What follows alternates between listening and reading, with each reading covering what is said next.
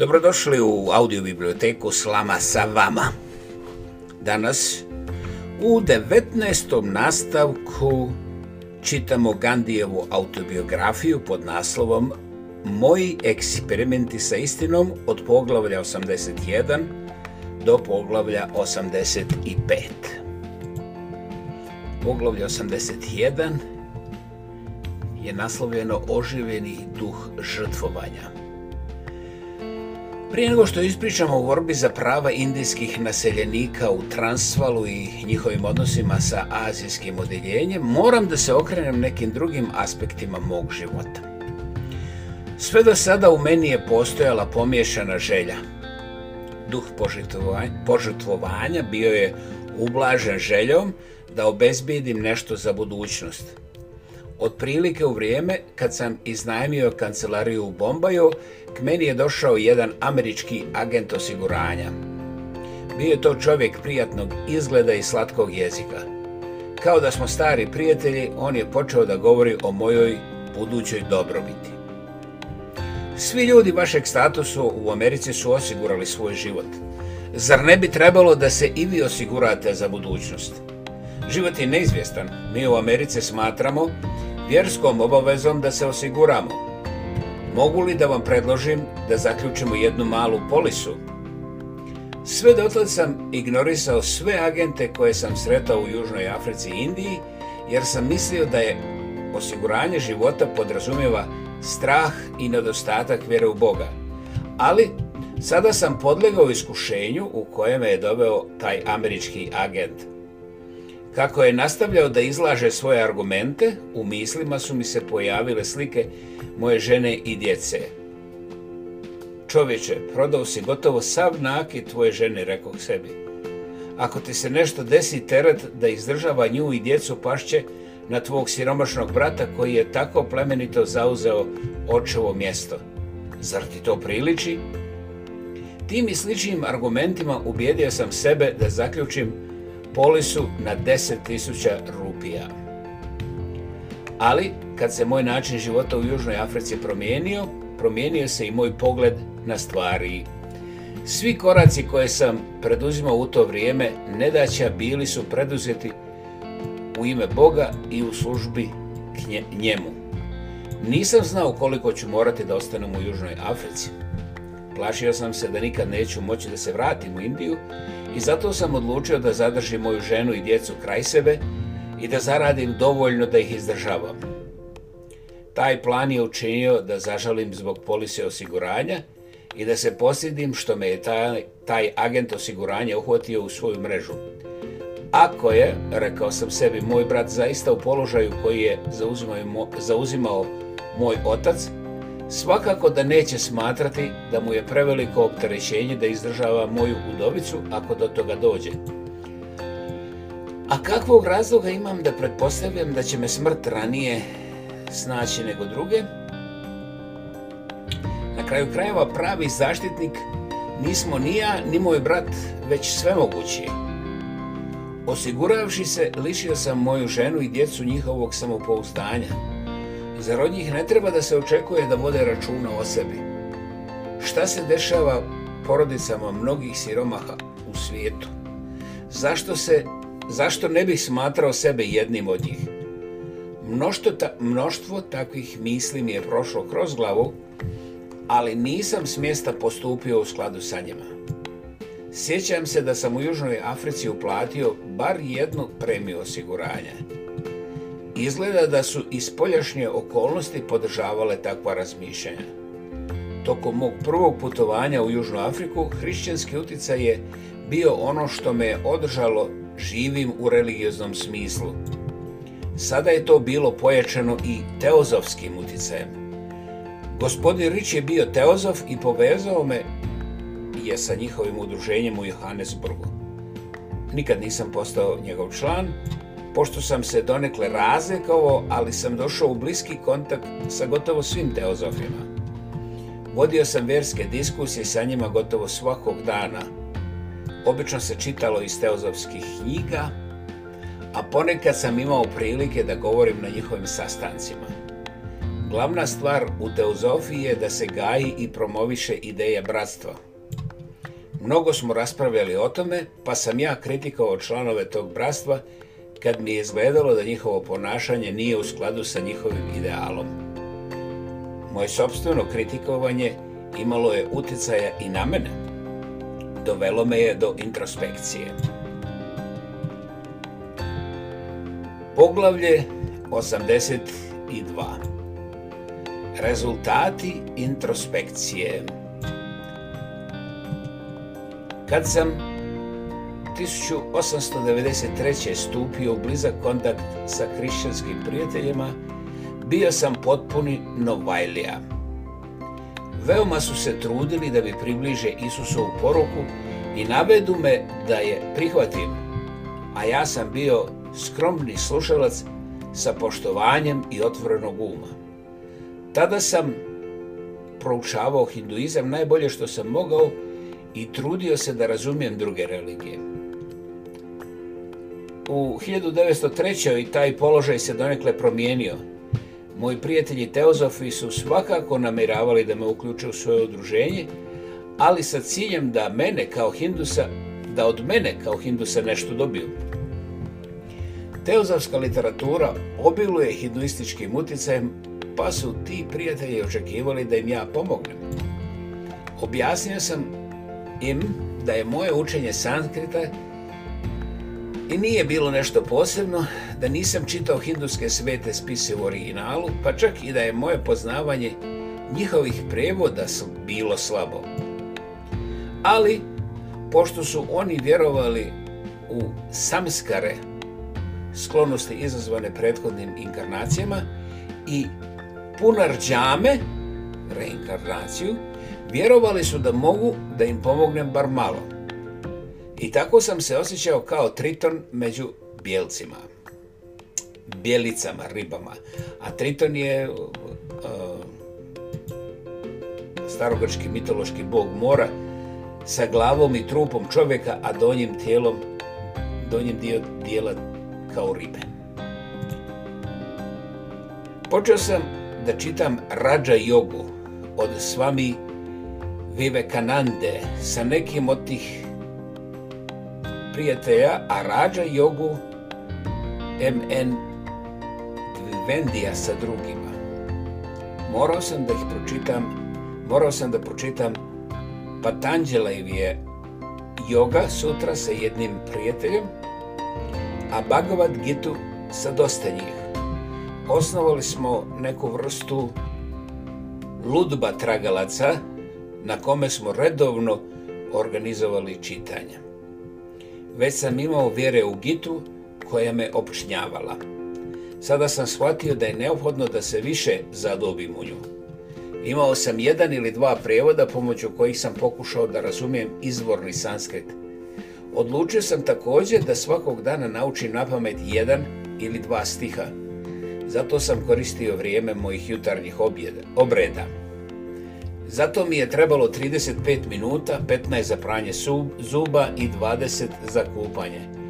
Ovo prvo sam obavljao stojeći na zapadni način, tako da sam naspram, a, zidu pričvrstio listove papira na kojima su bili ispisani stihovi iz Gite i gledao ih povremeno da osvježim sjećanje. To vrijeme mi je bilo dovoljno da naučim dnevni program i da obnovim stihove koje sam već naučio. Sjećam se da sam tako naučio na pamet 13 poglavlja.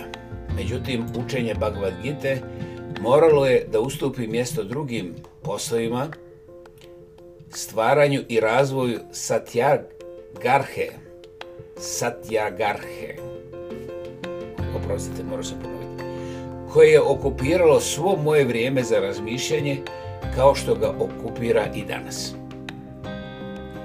Kakav je utjecaj to čitanje Gite imalo na moje prijatelje, to samo oni mogu da kažu, ali je za mene Gita postala nepogrešivi vodič za djelovanje. Ona je postala rječnik kojim sam se svakodnevno koristio. Baš kao što bih uzeo engleski rječnik da nađem znanje engleskih riječi za koje nisam razumio, tako sam listao i taj rješnik djelovanja da nađem neko spremno rješenje za sve moje nevolje iskušenja. Riječ kao aprigraha, neposjedovanje ili samhava, staloženost, su me obuzele. Kako razviti i očuvati tu staloženost, to je bilo pitanje kako da čovjek podjednako tretira činovnike koji vrijeđaju, drski su i pokvareni, jučerašnje saradnike koji su pružali besmislen otpor i ljude koji su uvijek bili dobre prema vama. Kako da se čovjek liši sve imovine? Zar nije i tijelo samo po sebi dovoljna imovina? Zar nisu žene i djeca imovina? Da li treba da uništim sve ormane i knjige koje sam imao? da li da se odreknem svega i slijedim njega? Odmah mi je došao odgovor. Ne mogu da slijedim njega dok se ne odreknem svega. Moje proučavanje engleskog zakonika mi je priteklo u pomoć.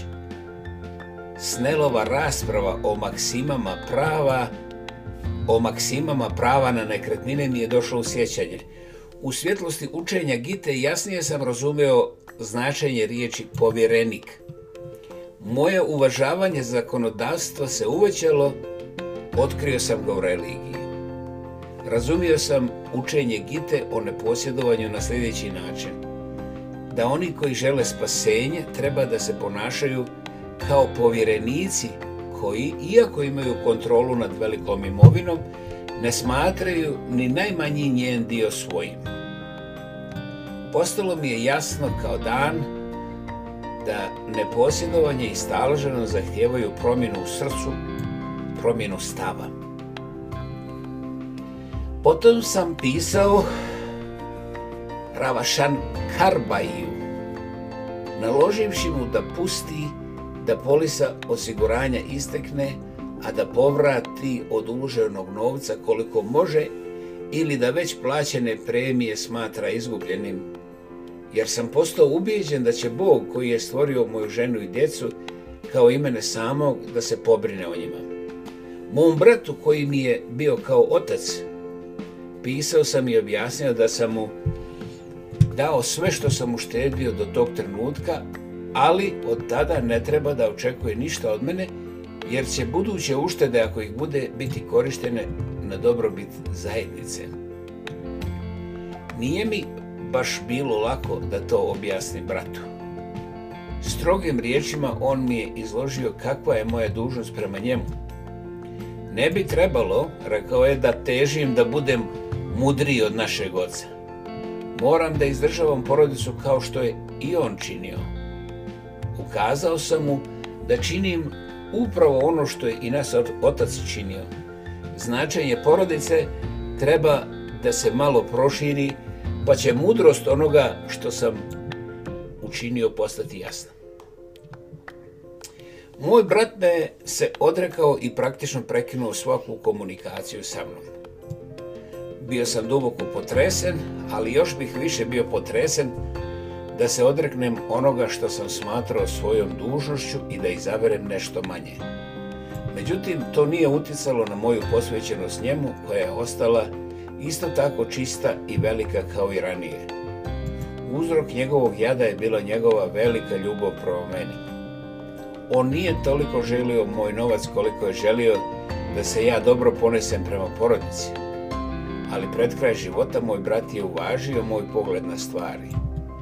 Kada je bilo, bio gotovo na samrtnoj postelji, uvidio je da je moj korak bio ispravan i napisao mi izuzetno dirljivo pismo. Izvinio mi se, ako uopšte otac može da se izvini svom sinu. Preporučio je svoje sinove mojoj brizi da ih podižem onako kako ja mislim da treba i rekao je da jedva čeka da se vidimo. Telegrafisao je da bi volio da dođe u Južnu Afriku a ja sam odgovorio da možem. Ali to se nije desilo. A nije se ispunila ni njegova želja u pogledu njegovih sinova. Umro je prije nego što je mogao da krene u Južnu Afriku. Njegovi sinovi su bili podizani u staroj atmosferi i nisu mogli da promijene tok svog života. Nisam mogao da ih privučem k sebi. Nije to bila njihova greška. Ko može da kaže plimi svoje prirode, možeš dotle, ali ne dalje. Ko može da izbriše nesavršenosti sa kojima je rođen? Isprazno je očekivati da naše djeca i štićenici nužno moraju da slijede isti put razvoja kao i mi sami. Ovaj primjer u određenoj meri služi da pokaže kakva je strašna odgovornost biti roditelj. Poglavlje 83. Žrtva vegetarijanstva Kako su ideali žrtvovanja i jednostavnosti sve više i više počeli da se ostvaruju, a svjesnost u mom svakodnevnom životu se sve više i više budila, moja strast prema vegetarijanstvu kao misiji, kao misiji nastavila je da raste. Zato sam samo jedan, znao sam, oprostite, znao sam samo jedan način da se obavlja misionarski rad, a to je ličnim primjerom i razgovorima sa onima koji tragaju za znanjem. U Johannesburgu je postojao vegetarijanski restoran koji je držao jedan Nijemac, pristalica kunovog hidropatskog tretmana. Lično sam odlazio u taj restoran i pomagao mu tako što sam tamo vodio moje engleske prijatelja ali vidio sam da neće opstati pošto je stalno bio u financijskim teškoćama. Pomogao sam mu koliko sam smatrao da on to zaslužuje i potrošio nešto novca na njega, ali je na kraju morao da bude zatvoren. Većina teozofa su manje više vegetarijanci, pa je jedna preduzimljiva gospođa članica tog društva sad izašla na scenu sa novim vegetarijanskim restoranom velikih razmjera bila je ljubitelj umjetnosti, ekstravagantna i neupućena u poslovanje. Njen krug prijatelja je bio prilično širok. Započela je skromno, ali je kasnije odlučila da proširi poduzeće iznajmljivanjem velikih prostorija, pa me je zamolila za pomoć. Kada mi se obratila nisam znao ništa o njenim financijama, ali sam prihvatio da njena procjena mora biti da je prilično tačna a ja sam bio u prilici da joj učinim. Moji klijenti su mi ostavljali velike sume kao depozite. Uz saglasnost jednog od tih klijenata pozajmio sam joj oko 1000 funti na njegov račun. Taj klijent je bio izuzetno širokog srca i povjerljiv. U Južnu Afriku je probidno došao kao radnik po Rekao je, daj joj novac ako želiš. O tim stvarima ne znam ništa znam jedino tebe. Zvao se Badri. Kasnije je igrao istaknutu ulogu u Satyagarhi, pa je zaglavio i u zatvoru. I tako sam dao tu pozajmicu pretpostavljajući da je njegova saglasnost dovoljna. Za dva, tri mjeseca saznao sam da ta suma neće biti vraćena. Teško da sam mogao da nadoknadim toliki gubitak bilo je mnogo drugih projekata na koje sam mogao da potrošim taj novac. Ta pozajmica nikad nije vraćena. Ali kako sam mogao da dopustim da Badri tako pun povjerenja pati? On je poznavao jedino mene. Nadoknadio sam taj gubitak. Jedan klijent kome sam ispričao o toj transakciji sa uživanjem me izgradio zbog moje ludosti. Baji, na sreću još nisam poslao Mahatma, pa čak ni Bapu. Prijatelji su me od, odmilja zvali Baji, što znači brat. Rekao je on, nije trebalo da to uradiš. Mi se osanjamo na tebe u mnogim stvarima. Tu sumu nećeš dobiti nazad.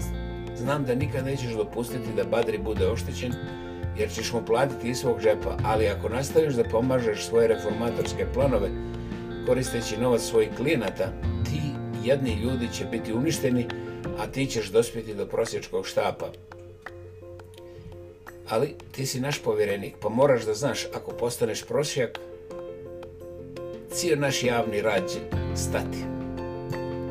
Taj prijatelj je, hvala Bogu, još u životu. Nikad u životu nisam sreo čistijeg čovjeka nego što je on, ni u Južnoj Africi, ni igdje drugdje. Znam da se on izvinjavao ljudima i pročišćavao sebe kada bi, ukoliko je sumnja u njih, uvidio da je njegova sumnja bila neosnovna. Shvatio sam da je njegovo upozorenje na mjestu. I rijeko sam pokrio Badrijev gubitak, ne bih bio u stanju da podnesem bilo kakav sličan gubitak i bio bih prisiljen da se zadužim, a to je nešto što nikad nisam učinio u životu i čega sam se čuvao. Uvidio sam da čak ni nečiji reformatorski žar ne treba da ga navede da prekorači svoje granice. Isto tako sam uvidio da sam, pozemljujući na taj način povjereni mi novac, prekršio glavno učenje Giteja, a to je dužnost staloženog čovjeka da djeluje bez želje za plodovima djelanja. Ta greška je za mene postala lampica upozorenja. Ta žrtva podnijeta na oltaru vegetarijanstva nije bila ni namjerna ni očekivana. Bila je jednostavno učinjena iz nužde. Poglavlje 84 Eksperimenti sa liječenjem zemljom i vodom. Kako sam živio jednostavnije i jednostavnije. Moja odbojnost prema medicini je postojano rasla. Dok sam imao praksu u Durbanu, neko vrijeme sam patio od slabosti i reumatskih upala. Doktor P.G. Mehta, koji je dolazio da me pregleda, prepisao mi je tretman, pa mi je bilo dobro. Nakon toga sve dok se nisam vratio u Indiju, ne sjećam se da sam patio od bilo koje bolesti vrijedne pomena. Ali u Johannesburgu sam patio od zatvora i česti glavobolja. Održavao sam se u dobrom stanju, povremeno koristeći laksative i uravnoteženu ishranu. Međutim, teško da bih mogao da sebe nazovem zdravim, pa sam se stalno pitao kako da se oslobodim važe sa tim laksativnim lijekovima. Otprilike u to vrijeme sam pročitao da je u Manchesteru osnovano udruženje bez doručka. Promoteri tog udruženja su izjavili da Englezi jedu toliko često i toliko mnogo da plaćaju velike račune ljekarima jer jedu do ponoći pa bi trebalo da se odreknu doručka ako hoće da poprave stanje stvari. Iako se to ne bi moglo reći za mene, osjećao sam da se to djelomično odnosi i na moj slučaj. Dnevno sam jeo tri cijela obroka, a pored toga i popodnevni čaj. Nikad se nisam uzdržao od hrane i uživao sam u delikatasima koliko god to može neko ko je vegetarijanac i ne koristi začine. Rijetko sam ustajao ranije od šest ili sedam. Zato sam pomislio da bi se možda, ako bih preskočio doručak, oslobodio glavobolja. Tako sam pokušao sa tim eksperimentom. Nekoliko dana mi je bilo prilično teško, ali su glavobolje potpuno nestale. To me je navelo da zaključim da sam jeo više nego što mi treba. Međutim, ta promjena me uopšte nije oslobodila zatvora. Probao sam sa kunovim kupkama kukova koji su mi donijele određeno olakšanje, ali me nisu izliječili. U međuvremenu mi je Njemac koji je držao vegetarijanski restoran ili neki drugi prijatelj, zaboravio sam koji, dao Justovu knjigu Povratak prirodi. U toj knjizi sam pročitao tretman o tretmanu zemljom. Autor je također zagovarao svježe voće i orašaste plodove kao prirodnu istanu za čovjeka nisam odmah prešao na isključivo voćnu ishranu, ali sam odmah počeo eksperimente sa tretmanima zemljom i to sa čudesnim rezultatima. Tretman se sastoje u tome da se na trbuh stavi pojas od čiste zemlje obložene hladnom vodom i razmazane po finom platnu kao obloga. To sam stavljao u vrijeme odlaska na spavanje, a uklanjao tokom noći ili ujutru kad god bih se probudio. Ispostavilo se da je to korijenit lijek. Od tada sam probao taj, tretman na sebi i prijateljima i nikad nisam poželio zbog toga. U Indiji nisam mogao da isprobam taj tretman sa, podjednakim pouzdanjem iz jednog razloga. Nikad nisam imao vremena da se skrasim na jedno mjesto kako bih izveo taj eksperiment i dan danas primjenjujem na sebi tretmane zemljom u određenoj mjeri, a preporučujem ih i mojim saradnicima kad god se ukaže prilika. Iako sam u životu imao dvije ozbiljne bolesti, vjerujem da čovjek ima malo razloga da se truje lijekovima. U 999 od 1000 slučajeva stvari se mogu riješiti dobro regulisanom ishranom, tretmanima vodom i zemljom i sličnim domaćim lijekovima onaj koji trči ljekaru, vajđi ili hakimu za svaku sitnu bolest i guta svakakve biljne i mineralne lijekove, ne samo da sebi skraćuje život, već postaje rob svoga tijela umjesto da ostane njegov gospodar. Gubi samo kontrolu i prestaje da bude čovjek. Nemojte da odbacite ova zapažanja zato što ih pišem ležeći bolestan. Ja znam uzroke svoje bolesti potpuno svjestan da sam samo ja odgovoran za njih i zbog te svjesnosti nisam izgubio strpljenje. Zapravo, zahvalio sam Bogu na njima kao na poukama i uspješno se odupro iskušenju da uzimam mnogobrojne lijekove. Znam da moja tvrdoglavost često nervira moje ljekare, ali me oni ljubazno trpe i ne odustaju od mene. Međutim, ne smijem da skrećem sa teme. Prije nego što nastavim dalje, trebalo bi da upozorim čitaoce na nešto. Oni koji kupe Justovu knjigu, zahvaljujući ovom poglavlju, ne treba da smatraju da je sve što je u njoj napisano sveto pismo. Pisac gotovo uvijek predstavlja jedan aspekt nekog slučaja, dok se svaki slučaj može sagledati iz bar sedam različitih aspekata, od kojih su svi vjerovatno ispravni sami po sebi, ali nisu ispravni svi u isto vrijeme i u istim okolnostima. A onda, mnoge knjige su napisane sa ciljem da se namame mušterije i da se stekne ime i slava.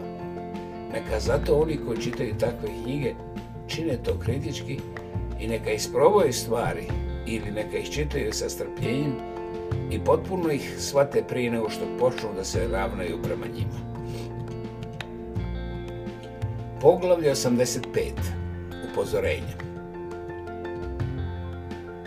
Plašim se da moram da nastavim sa digresijom do sljedećeg poglavlja. Uporedu sa mojim eksperimentima sa tretmanima zemljom, pravio sam i eksperimente sa mojom ishranom, pa možda neće biti suvišno da iznesem nekoliko primjedbi o njima, mada ću imati prilike da opet o tome govorim kasnije.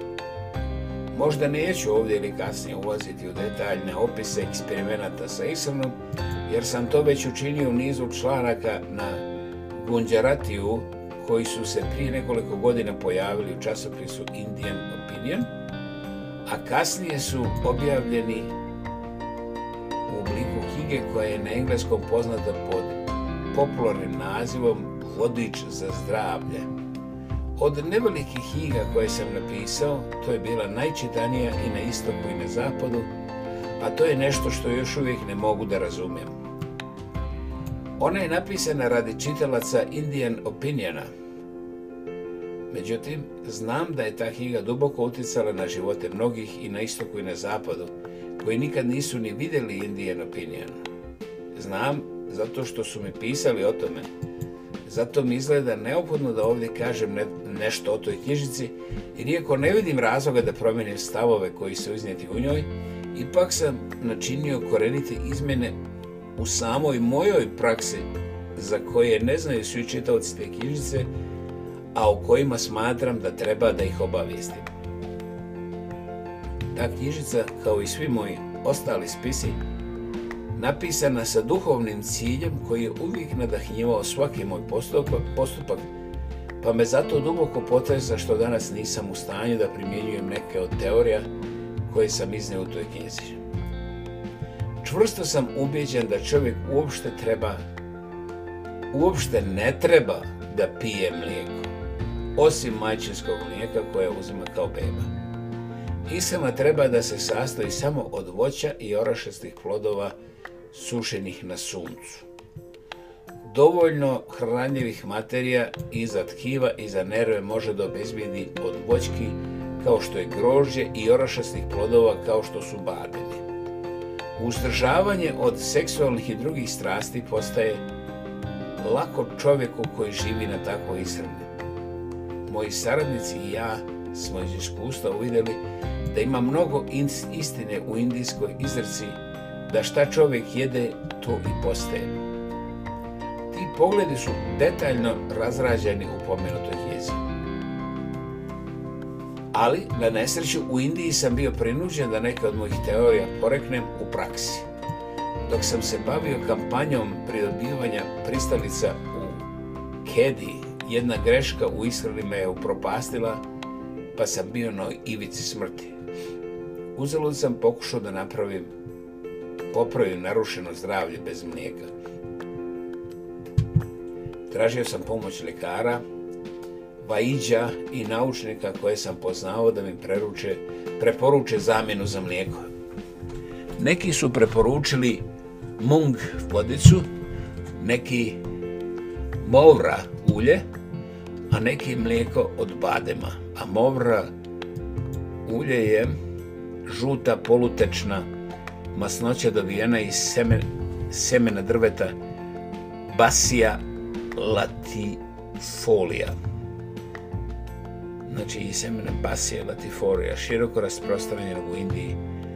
Osim u ljekovite svrhe koristi se za spravljanje sapuna, svijeća i kao primjesa u puteru. Istrošio sam svoje tijelo u takvim eksperimentima, ali mi ništa nije moglo pomoći da ustanem iz kreveta vaiđe su mi čitali stihove iz Čarke da bi mi pokazali da vjerskim obzirima u pogledu ishrane nema mjesta u terapiji. Zato su rekli da ne očekujem da mi pomogu da preživim bez mlijeka. Pa kako bi i mogli oni koji su bez oklevanja preporučivali goveđu supu i rakiju, mogli da mi pomognu da ustrajemo u ishrani bez mlijeka. Možda nisam morao da konzumiram kravlje ili bivolje mlijeko, pošto mi to, pošto mi to branio moj zavjet. Zavjet je naravno podrazumijevao da se odreknem svakog mlijeka, ali pošto sam, kad sam davao zavjet, na umu imao samo krave i bivolice, nekako sam uspio da ubedim sebe da se držim samo forme zaveta pa sam odlučio da pijem kozije mlijeka. Bio sam potpuno svjestan kad sam počeo da pijem kozije mlijeko, da je duh moga zaveda uništen. Ipak, ideja da vodim kampanju protiv Rovoltovog zakona me okupirala.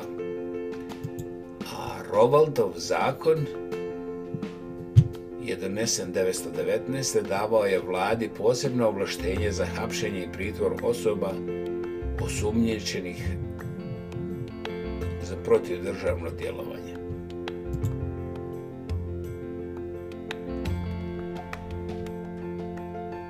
Ipak ideja da vodim kampanju protiv Rovaltovog zakona me okupirala, a sa njom je rasla i želja da živim. Zbog toga je jedan od najvećih eksperimenata u mom životu obustavljen. Znam da se tvrdi da duša nema veze sa time šta čovjek jede ili pije, jer duša niti jede niti pije. Da nije važno šta se s polja unosi unutra, već šta se iznutra izražava s polja. U tome nema sumnje, ima neke snage. Ali umjesto da preispitam takvo razmišljanje, zadovoljit ću se time što ću jednostavno izraziti moje čvrsto uvjerenje da je za tragaoca koji hoće da živi u strahu Božijem i koji hoće da se sretne sa njim oči u oči, uzdržavanje u ishrani i u pogledu količine i u pogledu vrste isto tako suštinski važno kao i uzdržavanje u misli i govoru. Međutim, u onoj oblasti u kojoj me moja teorija izdala, ne mogu samo da vas o tome obavijestim, već moram da vas ozbiljno upozorim da ne usvojite moju teoriju. Zato bih molio one koji su se zbog teorija koje sam ja propovjedao možda odrekli mlijeka, da ne istrajavaju u tom eksperimentu ukoliko ne vide da im on koristi na svaki način ili ukoliko zato ne dobiju odobrenje od iskusnih ljekara. Zasad mi je moje iskustvo pokazalo da za one koji imaju slabo varenje i za one koji su, se, koji su vezani za postelju nema tako lagane i hranljive namirnice kao što je to mlijeko bio bih veoma zahvalan ako bi mi neko ko ima iskustvo u ovome, ako pročita ovo poglavlje ispričao, ako zna iz iskustva, a ne iz knjiga, za neku biljnu zamjenu za mlijeko koja bi bila podjednako hranjiva i lako svarljiva.